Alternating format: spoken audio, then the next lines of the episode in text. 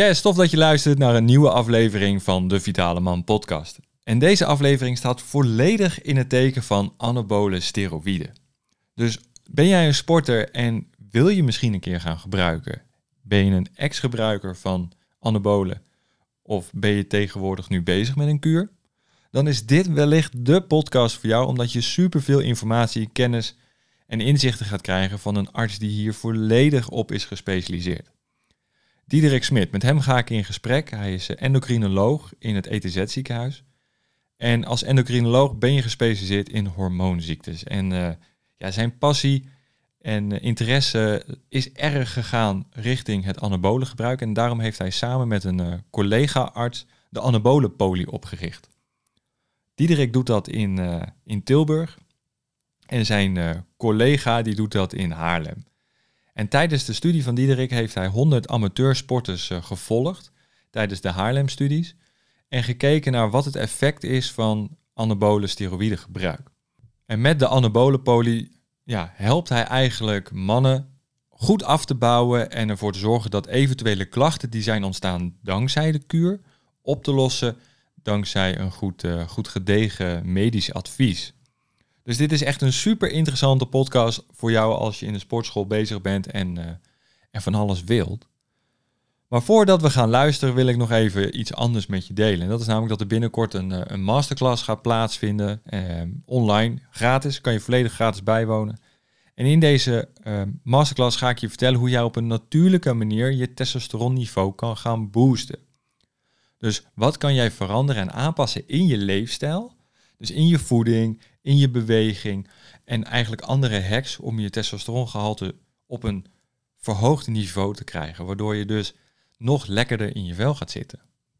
En want testosteron heeft, zoals je misschien wel vaker hebt gehoord in andere podcasts, heel veel effecten op ons mentale en fysieke welzijn als man. Het geeft niet alleen goede en sterke spieren, maar het geeft ook bijvoorbeeld een super scherp geheugen. Het helpt je bij het strakke, eh, een strakke buik te creëren. Het is goed voor het libido. Uh, dus ja, er zijn heel veel toffe dingen wat testosteron doet. En in deze masterclass ga ik je de tools geven hoe je op een natuurlijke manier dat kan gaan verhogen. Dus vind je dit gaaf? Check dan even de link in, uh, in de beschrijving. Daar kan je je gratis aanmelden voor, het, ja, voor deze masterclass. En dan gaan we nu gewoon lekker luisteren naar het gesprek wat ik heb gehad met Diederik Smit. En mocht je meer willen weten over de anabolenpolie, check dan ook zeker even de link in de beschrijving. Dan vind je alle informatie daarover. Heb je vragen? Stuur ze zeker in. Vind je de podcast gaaf en tof? Stuur duimpjes, likes en deel vooral deze podcast met anderen die hier profijt van hebben. En dan gaan we nu gewoon lekker luisteren naar het gesprek wat ik heb gehad met Diederik. Diederik Smit, ja. ik zit hier in het uh, uh, ETZ-ziekenhuis bij jou hier in Tilburg. Ik heb je gevraagd om een podcast op te nemen om, vanwege jouw specialiteit op het gebied van endocrinologie. Hè, anabole steroïden, daar, daar is het eigenlijk een beetje... daar heb ik je op gevonden op, ja. op, op Google eigenlijk. Um, ja, er zullen heel veel mensen zijn die jou niet kennen, behalve als hier in de buurt zitten in, in Tilburg of uit Horen waar je gewoond hebt al die tijd. Kan je iets over jezelf vertellen voordat we de diepte in duiken? Ja, dat kan. Ik ben internist en endocrinoloog. En, en nog niet zo heel erg lang. Ik ben in 2019 afgestudeerd. Um, en toen was ik 30. Dus ik was een, uh, een redelijk jonge endocrinoloog toen ik begon. Het is een opleiding van 12 jaar. En ik heb uh, tijdens mijn opleiding gewerkt in, uh, in ieder geval de geneeskunde gedaan in de VU in Amsterdam. Ik heb in Haarlem gewerkt en in de VU ook weer als arts. Um, en ik ben tijdens mijn periode in Haarlem in aan uh, en nou ja, ben ik samen gaan werken met Pim de Ronde. En dat is eigenlijk de stichter van de anabolenpolie. Die heeft dat, uh, die heeft dat uh, opgericht in de VU in 2010 en meegenomen naar Haarlem toen hij daar naartoe verhuisde. En tijdens mijn opleiding nou, hebben we kennis en ideeën uitgewisseld over, over wetenschappelijk onderzoek bij jongens die anabole steroïden gebruiken. Ik wilde toen nog oncoloog worden. En ik ben met dat project begonnen en ik vond het zo ontzettend uh, leuk en gaaf. Dat ik van mijn hobby ook echt wel mijn werk min of meer heb gemaakt. Ik ben van oncologie afgestapt. Ik dacht, ik ga nu echt gewoon hormoonziekte studeren. Daar past dit ook veel beter bij. Um, en we zijn met de Haarlem-studie begonnen. Dat is nu ook mijn promotietraject, wat zo goed als klaar is. En nu zit ik in Tilburg als internist en heb ik hier als tweede locatie van de anabole poli in Nederland. Wat een vrij uniek concept is hoor, binnen, binnen de hele wereld eigenlijk wel. Maar we zijn een lekker progressief landje waarin heel veel uh, tolerant uh, is naar elkaar toe. Dus dan, uh, dan bestaat zoiets wat makkelijker. Um, ja, en, en ik heb niet per se affiniteit met het gebruik van anabolen zelf. Ik ben wel sporter geweest. Ik heb op hoog niveau gezwommen in mijn jeugd. En toen ik geneeskunde ging studeren heb ik dat laten vallen. Je moet toch wel een beetje of het een of het ander doen. Allebei is erg moeilijk. We zijn niet allemaal Epke Um, en ik ga wel naar de sportschool, maar ik heb eh, zeker geen ambitie om 150 eh, kilo te wegen. Uh, maar goed, het, het, sport zit altijd wel een beetje in je. En op het moment dat je dan je werk kan doen met mensen die enorm gedreven zijn en wel 100% leven voor de sport, is dat wel echt een verademing hoor. Dus ik vind het een superleuke categorie mensen om, om mee te werken. Ja, want um, je zegt uh, interesse van je hobby je, je, je vak gemaakt. Ja. Uh, hoe bedoel je dan? Nou, je zegt ook van ik ja. heb geen anabolen gebruikt. Neem, hè, dat neem ik dan aan. Ja. Dat is een kleine aanname gelijk.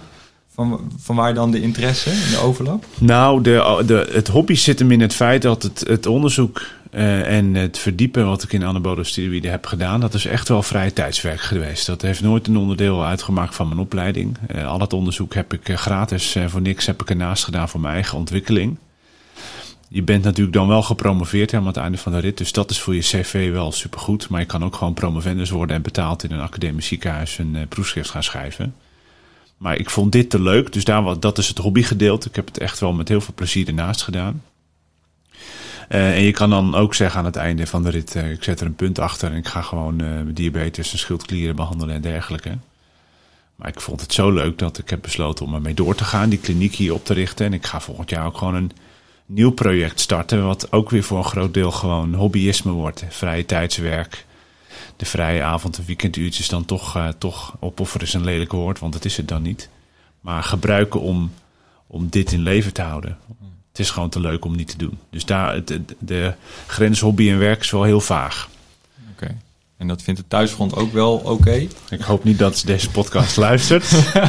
maar daar is af en toe nog wel een woord over te wisselen. Ja, ja het kost natuurlijk ontzettend veel tijd. Uh, maar goed, zij wist dit van mij toen we elkaar leren kennen. Dus het thuisfront heeft er... Het stond in de clausule. Okay. Toen we tekenden voor elkaar. Ja, oké. Okay. Nee, dan, dan is het goed. Hè? Want dat, uh, als vrije tijd of hobby opslokt, dan, ja. uh, dan kan het nog wel eens... En een, wat, een week is lang hoor, dus er is altijd wel tijd over ja, ja, voor andere dingen. Gelukkig wel.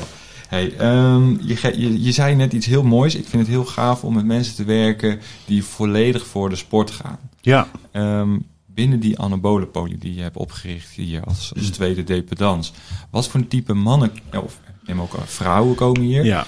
Um, wat voor type mensen zijn. Want het zijn sowieso uh, anabole gebruikers, ex-gebruikers en, ja. en ge gebruikers. Wat voor type mensen zijn het? Um, nou, het zijn de type mensen die ik ook ken vanuit mijn studie, die nog, die nog wel anabole steroïden gingen gebruiken of gebruikten. Um, het is een over het algemeen een hele dedicated uh, sportman. Het is geen topsporter is in, die, in, de, in de professionele zin. Dus het is niet iemand die bij een sportbond uh, de hoogste niveau tennis speelt. Uh, of topzwemmer is of op de atletiekbaan. Maar het is een topsporter in de zin van dat ze gemiddeld zes tot acht uur in, per week in de sportschool staan. En dat ze hun voeding en leefstijl alles erop inrichten om uh, maximaal te kunnen presteren. Ze doen mee aan bodybuild building competities, uh, strongman competities. Dus ze zijn echt gedreven om, om een bepaald doel te halen. Dus daarin zijn het, het zijn geen topsporters, maar eigenlijk zijn het wel gewoon topsporters. Ze, ze hebben de commitment van een topsporter en ze leven ernaar. En ik zet dat dan altijd wel af tegenover de, ja, veel van mijn patiënten. En uh, dat is niet oneerlijk bedoeld, maar ik zie natuurlijk heel veel patiënten die patiënt zijn geworden door ja, verkeerde leefstijl. En bepaalde beslissingen die je eigenlijk voor je gezondheid niet zou moeten nemen, die dan wel genomen worden. En dan is dit wel een hele frisse afwisseling. Deze jongens hebben bij mij natuurlijk ook een patiëntenrol. Ze hebben klachten, ze hebben hormonale issues. Uh, voor een belangrijk deel natuurlijk zelf veroorzaakt door hun gebruik. Coachen, begeleiden jullie ze er ook in, in het, in het gebruik nee, uiteindelijk? Nee, dat is nu niet de bedoeling. Wat we echt doen met de anabolenpolie is mensen die gebruikt hebben en klachten daarover hebben gehouden, om die te onderzoeken. Te kijken of er een medische, medische diagnose te stellen is. Of dat er misschien een psychologisch probleem is. En dan helpen we ze daar zo goed als mogelijk mee. En wat onze expertise brengt, is dat wij heel goed kunnen inschatten of hun gebruik echt hun klachten veroorzaakt heeft. Stel je voor dat iemand depressief is geworden na een kuur. Um, om het heel gechargeerd te brengen, als iemand tien jaar non-stop gebruikt heeft en stopt en daar depressief van wordt, dan kan ik me heel goed voorstellen dat dat een hormonale oorzaak kent. Maar we hebben ook wel verwijzingen van mensen die dan vier weken winstrol hebben gebruikt. En die echt een hele slappe kuur hebben gedaan en dan depressief worden. En dat twee jaar later nog zijn. Ja, dan moet je toch wel anders inschatten. Dan heeft het, heeft het toch minder mee met die middelen te maken dan, uh, dan ze denken. En dan moeten we ze er juist op wijzen dat het misschien wel met een relatieprobleem of een seksueel probleem of uh, een burn-out te maken heeft. En die feeling die hebben wij heel goed omdat we weten wat de jongens doen, waarom ze het doen, wat normaal is, wat overdreven is, wat juist heel erg beperkt is. En die inschatting kan je zonder deze ervaring niet maken. Dus dat, dat is wat we goed kunnen. Ja, die ervaring heb je opgedaan binnen, het, uh, binnen de Harlem-studies. Ja. Ik neem aan dat je daar dan naar refereert. Ja. Um, daar ga ik het zo nog even met je over hebben, want het is onwijs interessant. Uh, maar wat zijn nou ongeveer een beetje de, uh, de symptomen en de klachten waar ze, waar ze mee binnenkomen? Ja. Nou, het zijn over het algemeen mannen zo tussen de 20 en de 50 jaar.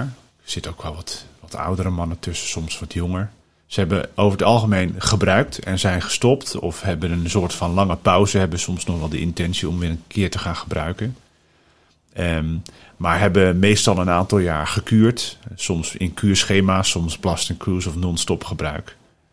En hebben dan na een laatste kuur vaak klachten overgehouden. Vermoeid, depressief. Ik zie heel veel jongens die uh, worstelen met een tekort aan libido. Die geen uh, erecties meer kunnen krijgen of veel te weinig. Um, gynecomastie zie ik veel. Dat ontstaat dan tijdens een kuur. Dan stoppen ze en dan gaat de gynecomastie niet, niet weg. Dus dat is wel, dat is wel een, het, het gros van gebruik, ex-gebruikers die dan met deze klachten bij mij komt. Ik zie ook een categorie verslaafden. Dus dat, die gebruiken nog, maar die willen graag stoppen. Durven dat niet goed. Of hebben het geprobeerd en krijgen dan zoveel klachten dat ze in no time toch maar weer aan de kuur beginnen.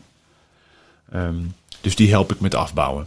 Um, en dat, uh, dat doe ik. Ik heb in dit ziekenhuis nog een psycholoog, seksuoloog en een uroloog uh, die, uh, die met mij samenwerken.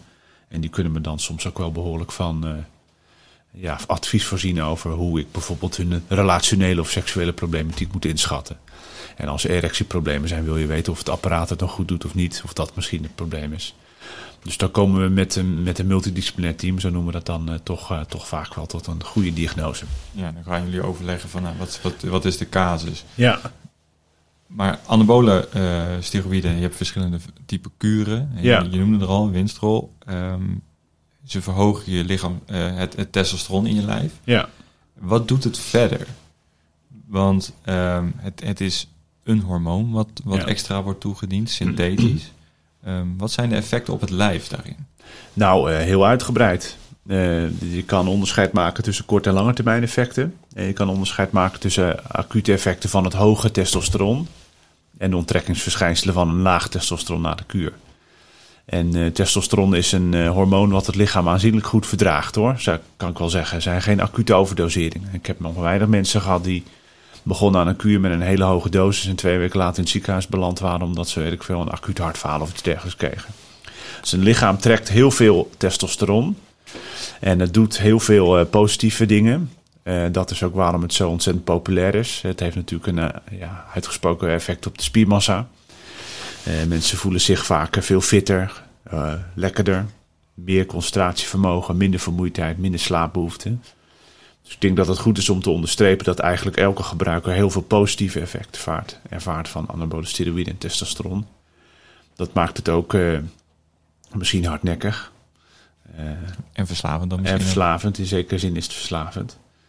Um, en de nadelige effecten, ja, een testosteron uh, veroorzaakt ook andere dingen. Het is aan de ene kant een hormoon dat acne kan geven, dat agressiviteit kan uitlokken. Mensen hebben een kort lontje slapen soms minder goed, transpireren veel. Uh, hartkloppingen kan je krijgen. Je kan je toch ook wel behoorlijk moe voelen. Je bloed kan er dikker van worden. Je nierfunctie minder. Je lever kan geïrriteerd raken. Dus er zijn allerlei korte termijn effecten. Maar de meeste effecten zijn toch betrekkelijk mild. Dus weerhouden mensen er niet van om dan met het gebruik te stoppen. Aangezien de positieve effecten ook heel prominent zijn. Maar het stoppen is lastiger. Dus als de testosteron dan, eh, dan wegzakt en je wordt weer aangewezen op je eigen productie, dan gaat er gewoon een tijd overheen voordat je eigen productie weer adequaat is. Nou, dat is een periode van een aantal weken, soms een aantal maanden. Dat je juist een tekort aan testosteron ervaart en dat geeft ja, vermoeidheid, depressiviteit, echt minder stemming, minder zin, minder lust om iets te ondernemen, libidoverlies, erectieproblemen. En dat, du- ja, dat kan. Dat bij, kijk, er zijn jongens die hebben daar één of twee dagen last van. Die denken, oh, dat was de dip en hij is weer voorbij. Je hebt ook jongens die daar echt wel maanden in blijven hangen. En dat is heel erg bepalend voor hoe je daarna verder gaat met het gebruik. Als je een dip van twee maanden hebt na een kuur, dan kan je of denken, ik ga nooit meer stoppen. En dat is altijd ja, plan A. Dat is ook een En optie. plan B zou kunnen zijn: ik ga nooit meer gebruiken, want ik hoef die fase niet meer door te maken. En de, da- daar worden verschillende beslissingen genomen. Ehm, nou, wat je ook ziet is dat je vruchtbaarheid eh, flink minder wordt. Bij een derde van de gebruikers is de vruchtbaarheid nul. En bij twee derde van de gebruikers is die minder dan oorspronkelijk. Dus je, je bent nog wel vruchtbaar in de meeste gevallen, maar wel echt, echt minder dan, eh, dan oorspronkelijk. Dat herstelt wel, maar kost tijd hoor. Dat gaat echt wel meerdere maanden overheen. Hoe komt dat, dat, dat, eh, dat die vruchtbaarheid afneemt? Nou, omdat je voor je, je de stimulatie van spermacelproductie heb je, heb, je, heb je hormonen nodig die uit de hypofyse komen. En die gaan pas eh, in actie komen op het moment dat het lichaam een normale een lage spiegel testosteron detecteert. Zodra de testosteronspiegel boven natuurlijk hoog is, zakken die hormonen naar een nulpunt en worden de testikels niet meer gestimuleerd. En, over wat voor een, eh, extreme waardes hebben we het dan? Nou, echt 0,0. 1 op de drie eh, gebruikers van anabole steroïden heeft gewoon nul zaadcellen. heeft gewoon lege ballen. Nou, ja, Even om het in de volksmond te noemen. Ja, lege, nou ja, ze hebben, de testikels worden kleiner. En ongeveer een derde in het formaat worden ze kleiner. Ehm, dat is echt wel merkbaar hoor. Dus ik denk dat de meeste gebruikers je ook wel kunnen vertellen dat, eh, dat zij of hun vriendin eh, klaagt over kleinere ballen. Dat, dat- het is een, een verschijnsel, het hoeft niet een klacht te zijn. Eh, je ziet aan de buitenkant van het ejaculaat niks. Hè, dus het, het sperma ziet er niet anders uit dan je gewend bent. Maar als je het onder de microscoop legt, eh, zwemt er niks. Ja, dat is lastig kinderen krijgen. Ja. Hey, de, je, gaf aan, de testosteronspiegel is dan tijdens gebruik dermate hoog, waardoor eh, andere hormonen die productie stimuleren, dan hebben we het over LH en FSH, Ja. ehm, die staan dan uit Ja. en die werken niet. Ja. Over wat voor een extreme testosteronwaardes hebben we het dan? Ja, dat is, eh, dat is lastig te zeggen. Omdat aan de ene kant testosteron eh, ehm, eh, moeilijk te meten is als het zo hoog geconcentreerd is. En aan de andere kant omdat er ook veel middelen gebruikt worden die niet in een testosterontest gemeten worden. En die assays die ontwikkeld zijn voor het meten van het bloedtestosteronwaarde, die meten testosteron, maar geen stanozolol en geen oxandrolon.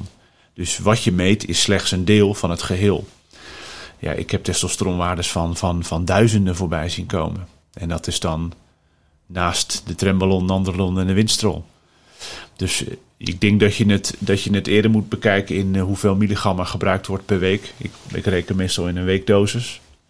En een, een fysiologische weekdosis is 100, 125 milligram per week. Dat is een beetje wat je eigen productie is. Er zit natuurlijk een variatie in per, per individu. Nou, reken maar uit. Als je een, een goede kuur doet, zit je al, al gauw op een half tot een gram per week. Dus dan ga je al tien keer over je, over je eigen productie heen. En voor jouw eigen lichaam maakt het niet eens zo heel veel uit of dat nou twee of vijf of tien keer boven natuurlijk is. Je eigen productie ligt gewoon stil. Dus die effecten zijn niet per se dosisafhankelijk. Want ik heb namelijk laatst mijn eigen testosteron gemeten via een eh, vrij testosterontest. Daar kwam uit dat ik eh 114,5 eh pg per, eh, Oh ja. eh, per eh, millimol had. Eh, die zat gewoon keurig binnen de marges. Want Ja. 120 is, eh, was, eh, is het max van de bandbreedte. Ehm, ik heb bijvoorbeeld iemand in mijn, eh, in mijn kennisging die heeft het ook ge- gedaan. Ja. En die kwam uit en die, heeft, die gebruikt niet. Ehm, maar die had een waarde van 153 en hij Ja. is 40. Dus dat is eh, boven eh, de normaalwaardes. Ja. Ehm, ik zie dat vaker tijdens dit soort testen. Wat is jouw, jouw kijk hierop? Als je alleen puur hiervan uitgaat op het vrije testosteron die boven de marges uitkomt. Ja. Ja, dit gesprek voerde ik wel vaker met, eh, met, eh, met patiënten die, eh, of gebruikers die het over een testosteronwaarde hebben. en dit is zo'n ontzettend saai genuanceerd antwoord van een dokter, maar ik moet toch de, de haken en ogen. Ja, nee, en nee, dat is nee, maar dat is, nee, maar is goed. Kijk, daar, er zitten gewoon heel veel haken en ogen aan het meten van een testosteron. Punt 1 is, heb je hem op hetzelfde tijdstip gemeten? Want er zit een uur tot uur variatie in testosteronspiegel. Als jij om 8 uur 's ochtends gaat prikken of om 12 uur 's middags, kan al bijna 30, 40 procent verschillen van elkaar. Deze test heb ik hem om eh 6 uur, half 7, 7 uur, half 8 en 8 uur moeten hebt- meten. ja, precies. Oh, je hebt hem meerdere keer gemeten. Ja. Maar geldt dat? En de andere persoon heeft die dezelfde testinstrumenten gebruikt. Want je hebt, er zijn iets van 10 immunoassays in omloop. Je kan hem ook nog met LCMS meten. En elke assay heeft weer andere referentiewaarden en andere methodiek van testen. Dus is dat wel hetzelfde? Er is een dag-tot-dag variatie. Dus op maandag en dinsdag heb je niet per se altijd dezelfde testosteronwaarde. Dus het is, heel, het is soms een beetje appels met peer vergelijken. Dus als je een enkele meting met een enkele meting vergelijkt, dan is dat eigenlijk al heel erg moeilijk te zeggen.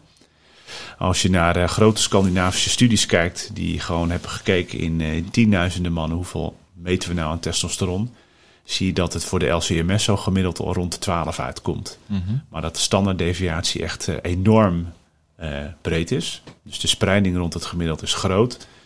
En het is, een, eh, en het is eh, verschoven naar, naar beneden toe. Dus je hebt meer uitschieters aan de bovenkant dan aan de onderkant. En dan meet je het testosteron, maar dan heb je nog steeds niet... Het, het vrije testosteron is berekening, of als je dat echt exact wil meten, is dat best ingewikkeld. Dat moet je met een dialyse-methode meten. Dat doen, doen de meeste laboratoria helemaal niet. Ehm, dus dan bereken je dat op basis van albumine en SBG en dan komt er een waarde uit. Ehm, Is die betrouwbaar volgens jou? ja, dat vind ik heel erg lastig te zeggen. Ehm, grofweg eh, denk ik dat het wel een indicatie geeft, maar ehm, ja, in zekere zin is het wel betrouwbaar. Je kan er wel wat mee, maar ik vind wel dat je altijd meerdere metingen moet hebben voordat je echt een patroon kan gaan zien. Ja, ja. En, en dat je er echt iets over kan gaan zeggen. En dan heb je testosteron aan de ene kant, maar heb je nog nagedacht over wat de affiniteit met de receptor is. Hè? Wat, eh, hoe is jouw testosteronreceptor gebouwd? Hoe reageert één deeltje met één receptor? Dat is per persoon ook nog wel verschillend. Hoeveel rece- receptoren heb je? Waar zitten ze precies? Je hebt nog verschillende soorten androgeenreceptoren. Dus het is, Het is heel breed complex. het is heel complex. Dus ik vind het. Ik vind het altijd lastig om het over het getal te hebben. Je moet het altijd in de context van het geheel zien. En het- dan bedoel ik dus ook wat voor klachten heeft iemand. Dus als ik iemand spreek die eh, een jaar na zijn laatste kuur nog steeds geen libido heeft en zich mo- vermoeid voelt. En hij heeft best wel flink gebruikt. En ik meet een testosteron van 12. Dat is formeel gewoon binnen de normaalwaarde. Maar dan kan je dat. Dan vind ik dat toch een ander verhaal dan wanneer je bij iemand die eh, in hetzelfde schuitje geen klachten heeft en een testosteron van 10 heeft. Dan denk ik, ja, die heeft geen klachten en een testosteron binnen de normaalwaarde. Nou, we geven elkaar een hand en eh, succes ermee. Maar als je aan de onderkant van een, referentiebereik zit, maar je hebt allerlei klachten die heel typerend zijn voor een testosterontekort. En je hebt ook nog eens genoeg gebruikt om eh, recht te hebben op een testosterontekort, om het zo maar te zeggen. Denk ik dat je toch moet gaan nadenken over wat gebeurt er met jouw klachten op het moment dat de testosteronspiegel hoger zou zijn. En gaan ze dan weg? Ja, dus dan ga je kijken naar klinisch beeld. Ja, En vanuit daaruit pas, eh, pas je een behandeling toe. ja, ja, en dat doen we eigenlijk met allerlei hormoonziektes. Dat geldt niet voor test, alleen voor testosteron, maar zo. Ik vind het wel vrij progressief wat je zegt. Want er zijn heel veel artsen die zeggen van ja, weet je, het valt binnen normaalwaardes. Ja, En eh, het is dus goed. ja, Zoek het ergens anders maar. ja, ja. Hoe komt het dat dan de anabole poli zoals jullie het doen nu eh, zo progressief is en zegt van ja, vanuit klinisch beeld kunnen we veel meer? Ehm, waarom doen wij dat anders? Ik denk dat het wel niet per se aan ons als, als anabolenpolie ligt. Het ligt misschien ook wel aan mij hoor. Ik denk dat als je dit gesprek met mijn collega in Haarlem eh, voert, dat je ook weer net iets ander genuanceerd antwoord zou krijgen. Ehm, dat vind ik een moeilijke vraag. Ik denk dat het eh, vooral ermee te maken heeft dat eh, ik ervan uitga dat een, een referentiebereik is gesteld op basis van een populatie waarin iedereen een eigen kenmerkende waarde heeft. Maar dat je binnen een individu ook kan zeggen, ja, dan heb je de referentiebewaarde, dat is voor de populatie, maar wat is voor jou normaal? Dus als jouw testosteron, voordat je ooit ging kuren, 25 was, wat normaal is, nadat je gekuurd hebt en nooit hoger wordt dan 12, wat ook binnen de normaalwaarde valt, dan heb je toch over de helft van Ja. het oorspronkelijke. En als je dan klachten hebt die suggestief zijn, dus passen bij hypogonadale klachten, dan vind ik wel dat je het moet uitzoeken. En je kan, er zijn allerlei manieren om voor een periode van een maand het testosteron eens te verhogen. Ja, als al je klachten als sneeuw voor de zon verdwijnen. En daar moet je wel, denk ik, gewoon goede afspraken over maken met je patiënt. Hè. Ik ga nu bijvoorbeeld eh, een maand lang tamoxifen voorschrijven. Dan gaat je testosteron van 12 naar 25. En we doen, eh, doen niks geks. Maar ga eens gewoon heel kritisch naar jezelf kijken. Voel je je beter? Is het placebo? Kan je dat onderscheid eigenlijk wel maken? Of verandert er niks? En ik heb in die strategie best wel vaak of het een of het ander gehoord. Dus jongens die zeiden, ja, het maakt echt geen bal uit. En dan heb ik het bloedonderzoek en dan zie ik, ja, je testosteron is bijna hoog. En jouw erectieprobleem bestaat nog. En dan vind ik het veel makkelijker om het voor mezelf te begrijpen. En ook om het aan de patiënt uit te leggen dat het testosteron dus niet het probleem is. Ja. En dat ze het elders moeten zoeken. Dan durf ik dat wel te zeggen. Maar alleen maar op een waarde die binnen de normaalwaarde valt, Ja. zonder dat verder nog uit te zoeken. Dan, volgens het boekje zou je dan kunnen zeggen, nou, het is toch wat anders. Maar ik probeer altijd wel met, met mijn patiënt een soort van gezamenlijk agreement te bereiken. Van zijn we het met elkaar eens dat dit het is? Ik heb ook wel eens een aantal keer eh, meegemaakt dat iemand een testosteron had van 14, 15. En dat ik heb gezegd, weet je wat, ik zet je gewoon een maand lang op sustanon. En als het niet beter gaat, dan wil ik dat we het erover eens zijn dat het testosterongehalte niet het probleem is. En dat pakt verbazingwekkend goed uit. De klachten worden niet beter hoor. Dat bedoel ik er niet mee te zeggen. Maar ik denk dat het voor iemand heel glashelder is dat als jij eh, een heel hoog testosterongehalte hebt voor een korte periode, want je moet er natuurlijk niet, niet een, gekke, gekke, een gek feest van maken. Maar de klachten worden niet beter, dan, dan, is het, dan ben je zelf ook overtuigd. En dan dat stukje contextualisering, dat stukje acceptatie, dat is soms al het enige wat je nodig hebt om je beter te gaan voelen. Dan ga je ook openstaan van, oké, misschien moet ik toch aan mijn relatie werken. Of misschien ehm, zit er toch ergens anders te druk op mijn werk, te veel stress van mijn kinderen, ik noem maar wat. En dan, als je ervoor open staat, en dan helpt het als je ook nog eens een keer één of twee gesprekken hebt met de seksuoloog hier. Die kan het altijd haarfijn duiden en uitleggen. Ja, dan, dan, dan ga je de goede kant op.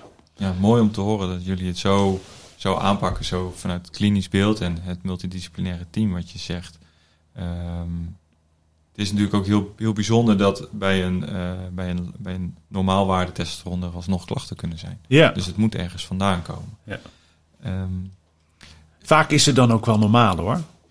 ja, Het is het, en, en dus als, kijk, als, het, als het duidelijk te laag is, dan is het vaak ook er echt te laag. En, maar als het er een beetje om hangt, dan, eh, dan doe ik altijd wel een stapje extra.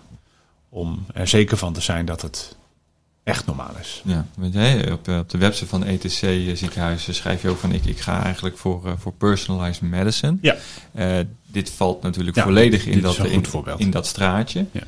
Ehm, je noemde ook nog even, even stress in, in, in je verhaal net. Ehm, waar, kan, waar kan die gelinkt worden? Hè, voor, voor, de, voor de mensen die straks luisteren, al, bij een teveel aan stress kan dus ook het testosteron Zakken. zakken. Ja, zeker. Ehm, waar, ligt, waar ligt die link daar? Oeh, nou, dat, dat zit op hersenniveau. We zien bij ziekte, eh, we zien bij allerlei medicatie, eh, we zien bij ondergewicht en ook overgewicht en eh, stress. En dat heeft ook weer met andere hormonen te maken, cortisol. Zien we dat, dat de hele hypofyse gonadeas gewoon op een lager pitje komt te staan.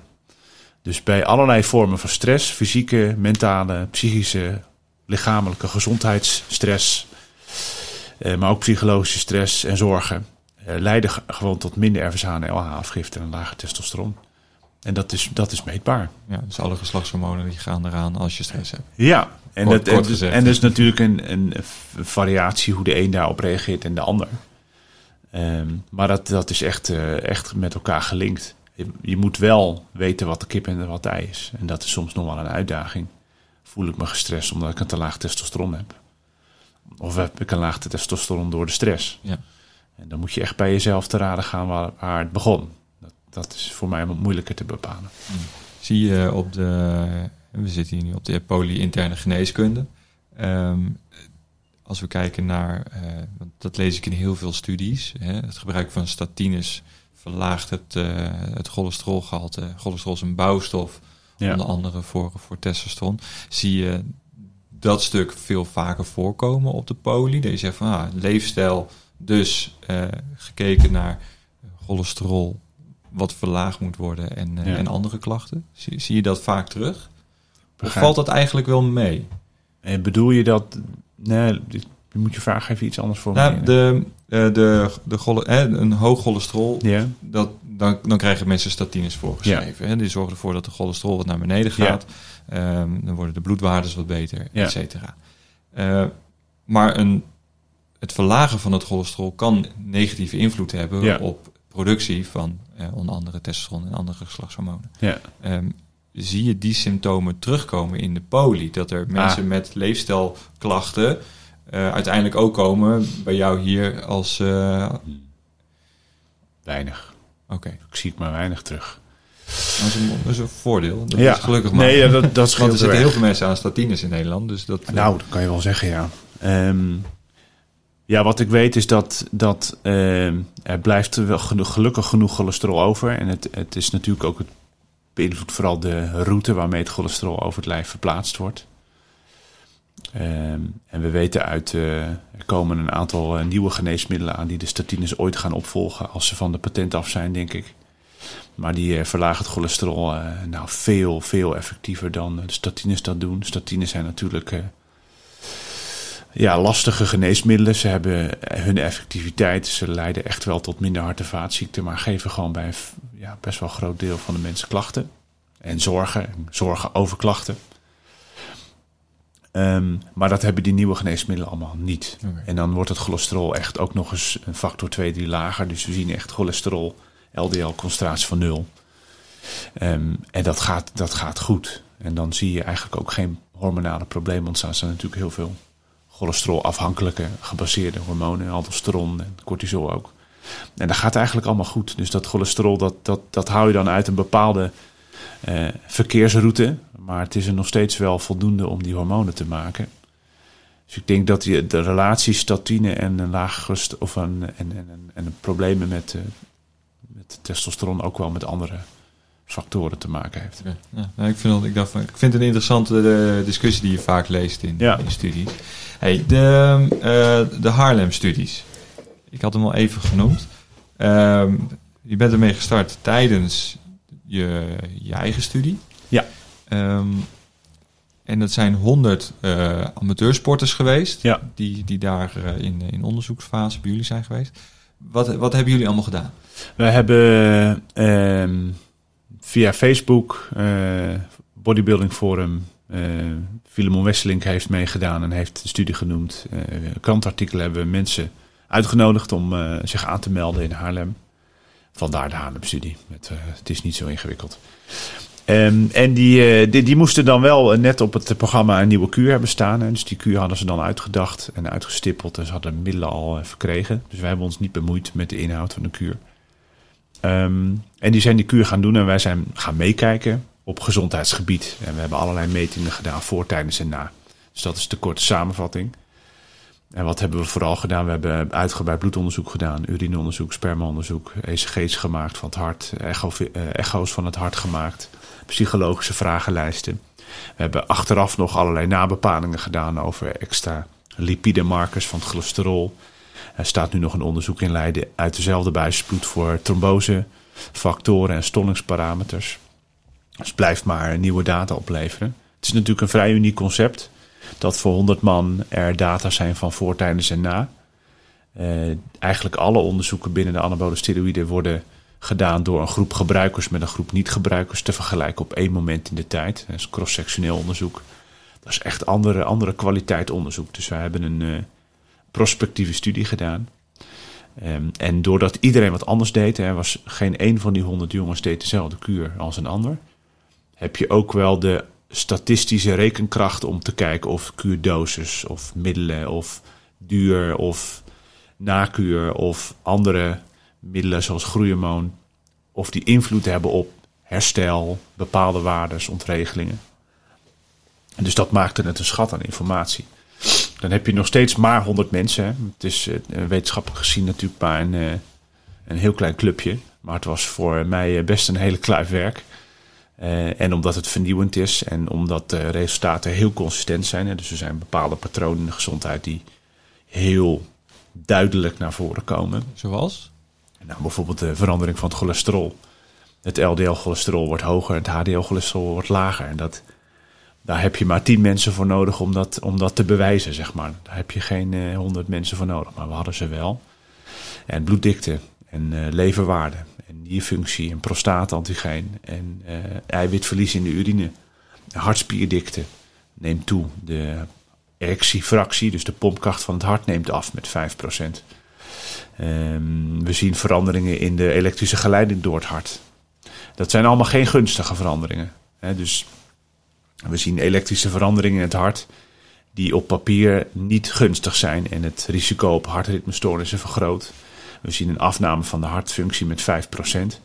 Dat is, niet, dat is niet veel. 5% is natuurlijk heel weinig, maar het is niet goed. En als je kuur op kuur op kuur op kuur stapelt, kom je wel in de problemen. Dat hebben we natuurlijk ook wel. Uh, Zou, kan je zeggen dat het per kuur 5% of, of, of zit daar dan ja. een, een uh, verminderde meerweerstand in? We hebben een verband gezien tussen kuur duur en de mate van pompkrachtverlies. Dus uh, we hebben maar één jaar mensen gevolgd. Ja, strikt genomen twee jaar. Maar dat tweede jaar was voor iedereen weer een eigen invulling. Dus daar, daar hebben we toch iets minder wetenschappelijke rekenkracht aan overgehouden. Maar we konden een duidelijk verband zien tussen de duur van de kuur en de mate van hartspierverdikking en de, hartfunctie. Dus je kan wel stellen dat hoe langer je gebruikt, hoe slechter het voor het hart is. Overigens was dat niet voor alle parameters hetzelfde. Dus voor cholesterol maakt het niet uit of je nou 6 of 12 weken kuurt. Het ver verandert evenveel.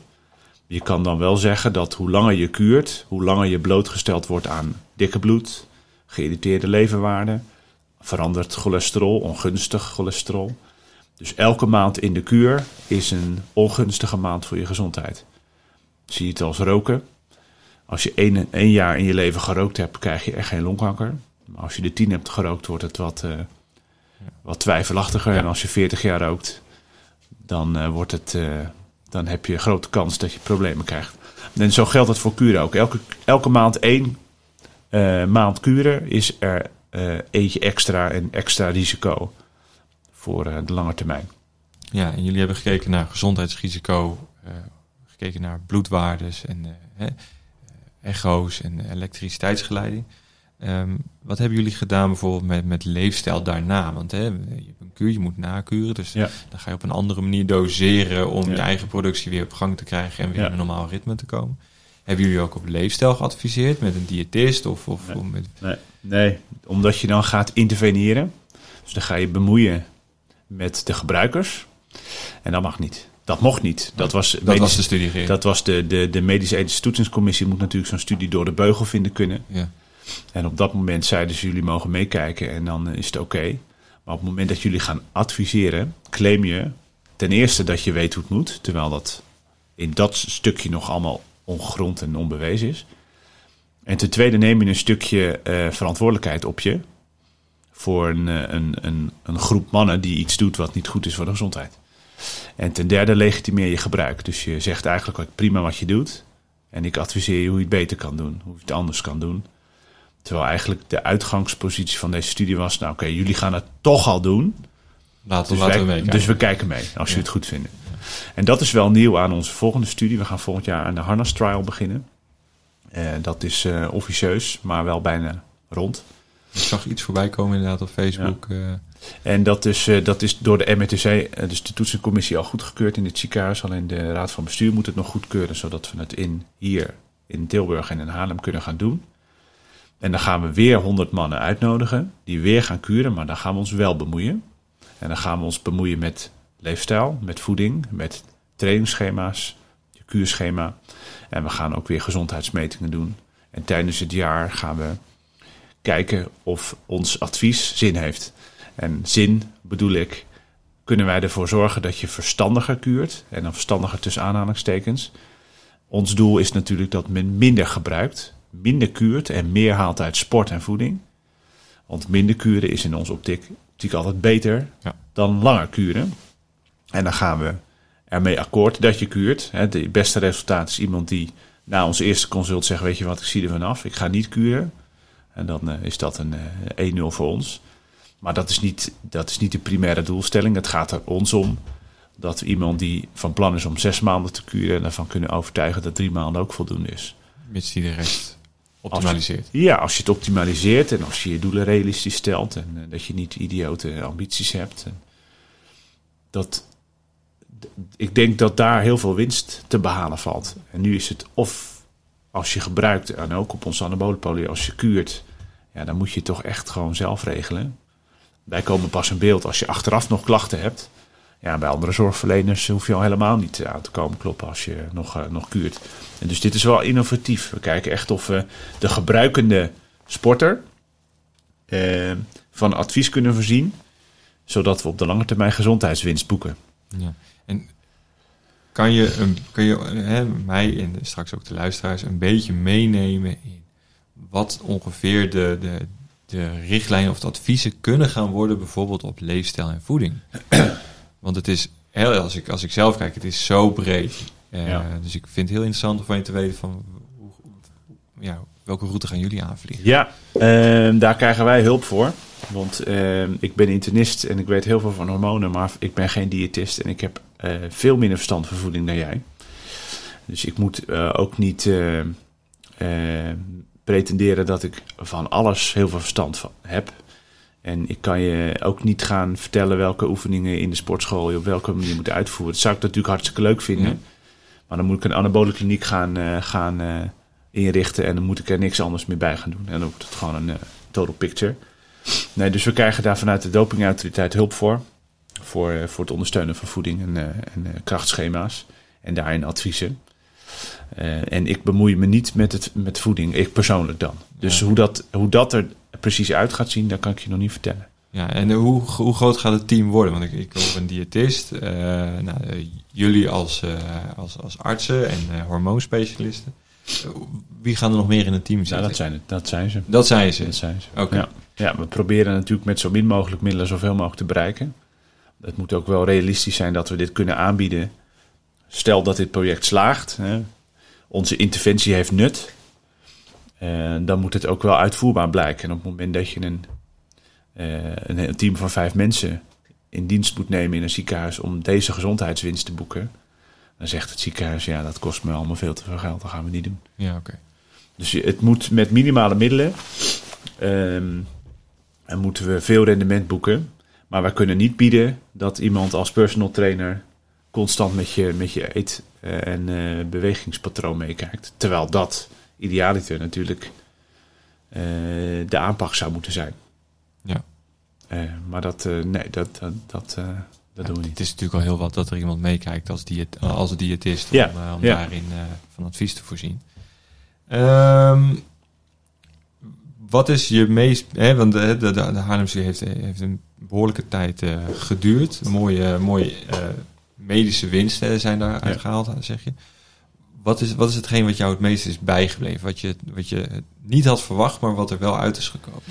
Ja, dat is het gekke. Het was eigenlijk een enorme bevestiging van wat we al dachten. En, um, en dat is misschien ook wel een beetje waarom het. Uh, we wilden natuurlijk wel graag uh, heel goed publiceren en hoge bladen scoren en heel veel publiciteit krijgen.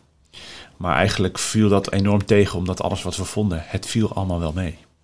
En dat was, het, dat was het hele idee. We hebben natuurlijk op de korte termijn gekeken. En op de korte termijn gebeurt er niet heel veel schokkends.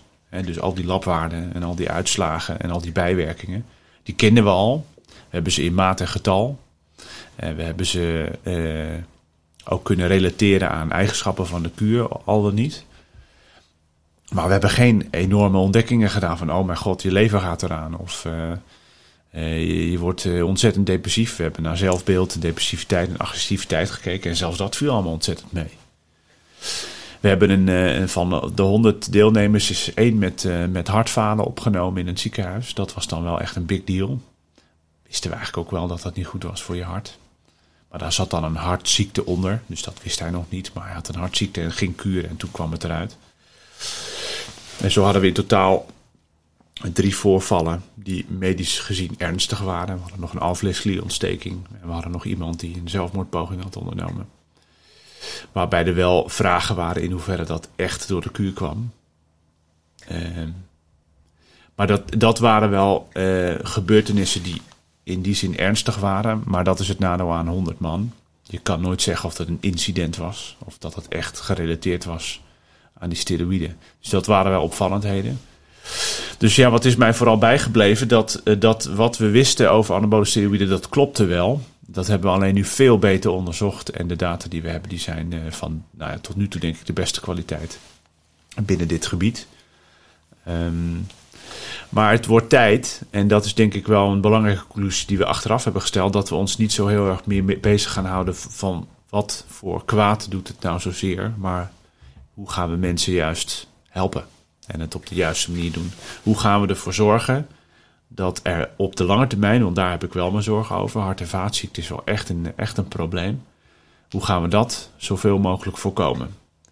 En dan wil ik niet de oude zeikert zijn die zegt, ja, je moet maar gewoon niet kuren. Klaar ermee. Maar ik wil iemand zijn die zegt, oké, jouw beslissing is om te kuren. Ehm, jouw leven, jouw invulling, oké, maar zullen we dan, dan op zijn minst wel veilig doen. Ja. Dat is een beetje mijn, eh, mijn insteek. En dat is ook de insteek van de anabole poli dan op een gegeven moment. Ook ja, die nieuwe, kijk, die, ja, nieuwe ja, studie. Die, die nieuwe studie is, is bedoeld om te laten zien dat deze harm reduction strategie zinvol is. En als die zinvol is, kan je hem toepassen. Niet andersom. Je moet hem niet gaan uitvoeren en achteraf erachter komen dat je er eigenlijk niks mee doet. Want het gaat wel zorggeld naartoe hè, als je zoiets zou willen doen. Dus je moet wel bewezen hebben dat het iets oplevert. Ja, het is mooi om te zien dat er in ieder geval op de lange termijn een, iets wordt neergezet. Of dat het onderzocht wordt van hoe kan iemand die een bepaalde keuze bewust maakt, het wel op een juiste, juiste manier eh, te doen. Ja. Um, laatste vraag. En, dan, uh, en die is eigenlijk uh, gericht op als, als iemand nu in een kuur zou zitten. Ja. En dan komen we altijd weer op generale antwoorden. Um, wat is iets waarvan je zegt van als iemand nu in een kuur zit, hou hier alsjeblieft rekening mee? Poeh. Um, ja. Dat is wel een goeie. Ja, ik heb daar wel een idee van. Ik zie vooral problemen bij gebruikers die uh, naar Blast Cruise gaan. Um, dus dat houdt in, je gaat kuren. En in plaats van er helemaal uit te gaan, ga je naar een onderhoudsdosis net zolang tot je weer gaat kuren. Je realiseert je onvoldoende dat je eigenlijk net zolang als dat jij het onderhoud doet, ook nog steeds je eigen lichaamshormonale productie platlegt. Je vruchtbaarheid platlegt. Ik heb te veel jongens gezien die dat vijf, zes jaar doen en dan vervolgens geen kinderen kunnen krijgen of gewoon levenslang erectieproblemen hebben en altijd maar uh, aan de testosteron moeten. Dus mijn advies zou zijn: um, laat je lichaam ook gewoon herstellen. Uh, dus als je kuurt, ga er op een gegeven moment ook gewoon weer uit. Accepteer dat je dan niet alle massa kan vasthouden. Dat is voor, vooral voor de, de, de bodybuilders en degenen die aan wedstrijden meedoen enorm moeilijk. Maar mijn advies zou echt zijn: geef je lichaam ook tijd om te herstellen. Want dan hou je hem het langst intact. Want als je heel erg opgaat in je huidige doel, namelijk zoveel en zo hard mogelijk en zo lang mogelijk vasthouden, dan is dat voor je korte termijn doelen natuurlijk uh, het beste, maar voor je gezondheid niet. Uh, dus probeer toch echt die lange termijn in, uh, in het vizier te houden als je aan het kuren bent. En zet realistische doelen. En mijn tweede, um, ja, mijn tweede probleem is dat ik toch enorm veel gebruikers zie die groeihormoon doen naast een kuur en tijdens een kuur. Groeihormoon is echt wel een ander hormoon dan testosteron. Uh, groeihormoon is uh, heel erg duidelijk in kaart gebracht wat een overschot met je lijf doet. Van hart- en vaatziekten tot darmkanker tot allerlei uiterlijke veranderingen. Ik zie altijd heel erg goed aan de mannen tegenover me hoe lang ze groeihormoon hebben gebruikt, want daar krijg je een ander gezicht van. Andere neus, andere oren, ander voorhoofd. En dat gaat zo langzaam dat je het eigenlijk niet aan jezelf ziet. Tot je na vijf jaar al die pasfoto's naast elkaar legt. En denkt: hé, hey, hip, ik heb toch wel een andere kop gekregen. Um, en het risico voor op kanker vind ik, vind ik dermate dat je eigenlijk. Uh, uh, dat je daar niet, daar niet mee moet gaan experimenteren. Groeihormoon is ontzettend duur. Als je het vergelijkt met de effectiviteit van anabole steroïden, is het natuurlijk een schijntje. Het is een klein beetje extra. Maar eigenlijk is de, de hoofdmoot toch gewoon anabole steroïden. Eigenlijk is de hoofdmoot goede voeding en goede training. Eh, dus ja, moet die groeihormoon er nou echt bij? Ik denk het niet. En heb je al gerealiseerd dat als je drie, vier jaar groeihormoon spuit, dat je eigen groeihormoonproductie er vervolgens ook niet meer goed werkt? Als je er al over nagedacht wat je moet doen als je nog 60 jaar groeihormoon moet betalen, dan kan je beter roken, dat kost minder. Dus het is, groeihormoon vind ik heel kwalijk, maar wordt er echt mee omgegaan alsof het niks is. Uh, het, is het spuit makkelijk, je merkt er niet heel veel voordelen van, maar eigenlijk ook weinig kwaads van. Maar de lange termijn is niet oké. Dus daar moet echt uh, voorzichtig mee omgegaan worden. Eigenlijk is alles wat ik je hoor zeggen in dit gesprek, uh, korte termijn kan winst opleveren. Ja. Alleen lange termijn is nog best wel wat onduidelijk, maar is wel zichtbaar dat het ja. significant hele erge dingen kan gaan ja, veroorzaken. Ja, en dat vind ik voor groeihormoon kwalijker dan voor testosteron. Um, ja, dus ik, ik, alles met mate. Hè? En, en het is altijd zo lastig om die korte en lange termijn uh, effecten met elkaar in, uh, tegen elkaar af te wegen. En dat, dat soort dingen, afwegingen maken we voortdurend. Hè? Ook als je het over, over voeding en dieet hebt. hoe makkelijk is het om iets te nemen wat je wel lekker vindt en waar je op dat moment behoefte aan hebt. Terwijl het eigenlijk voor je lange termijn gezondheid niet zo verstandig is. Ja. En waarom hebben rokers moeite om te stoppen? Omdat het op korte termijn lastig is. En ze weten heus wel dat het op de lange termijn wel goed is.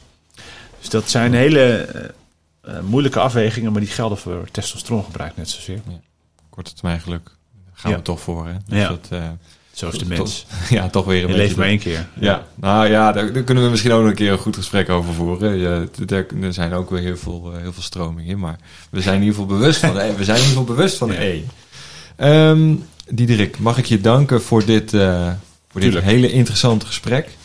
Um, ik denk dat we met deze show, uh, deze aflevering weer een hoop mannen wat uh, inzicht hebben gegeven in wat ze wel en niet moeten of kunnen doen in de sportschool. Ik hoop het. En ik denk dat voor gebruikende mannen of ex-gebruikers met klachten die dit horen, weet dat er iemand is die, die met je kan kijken naar, naar wat de problemen zijn en of er oplossingen zijn. Absoluut, zeker. In Haarlem zitten jullie met de anabolenpolen en hier in Tilburg. Ja.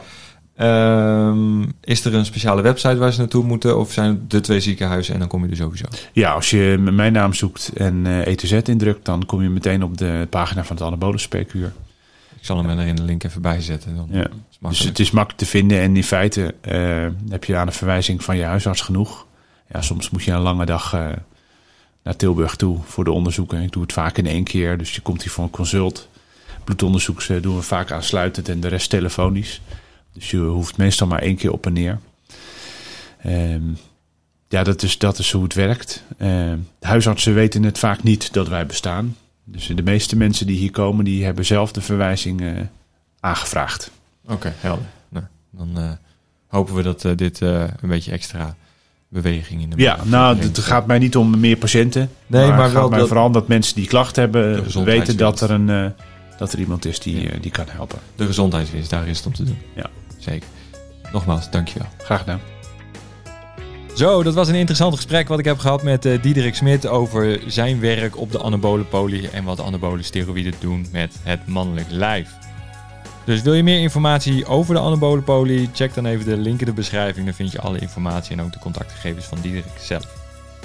Wil je je aanmelden voor de masterclass om op een natuurlijke wijze je testosteron te boosten en deze naar een niveau te krijgen waarin jij je optimaal lekker gaat voelen? Dan vraag ik je om je aan te melden voor de online masterclass die binnenkort gaat plaatsvinden. Dit is volledig gratis en kan je aan gaan deelnemen als je dat, uh, als je dat wilt. Daarvoor uh, verwijs ik je ook even naar de link in de beschrijving. Zodat je je kan aanmelden, zodat je erbij kan zijn, zodat je alle kennis, tools en inzichten kan krijgen over hoe jij op een natuurlijke wijze je testosteron naar een niveau kan krijgen waar jij je echt super lekker gaat voelen.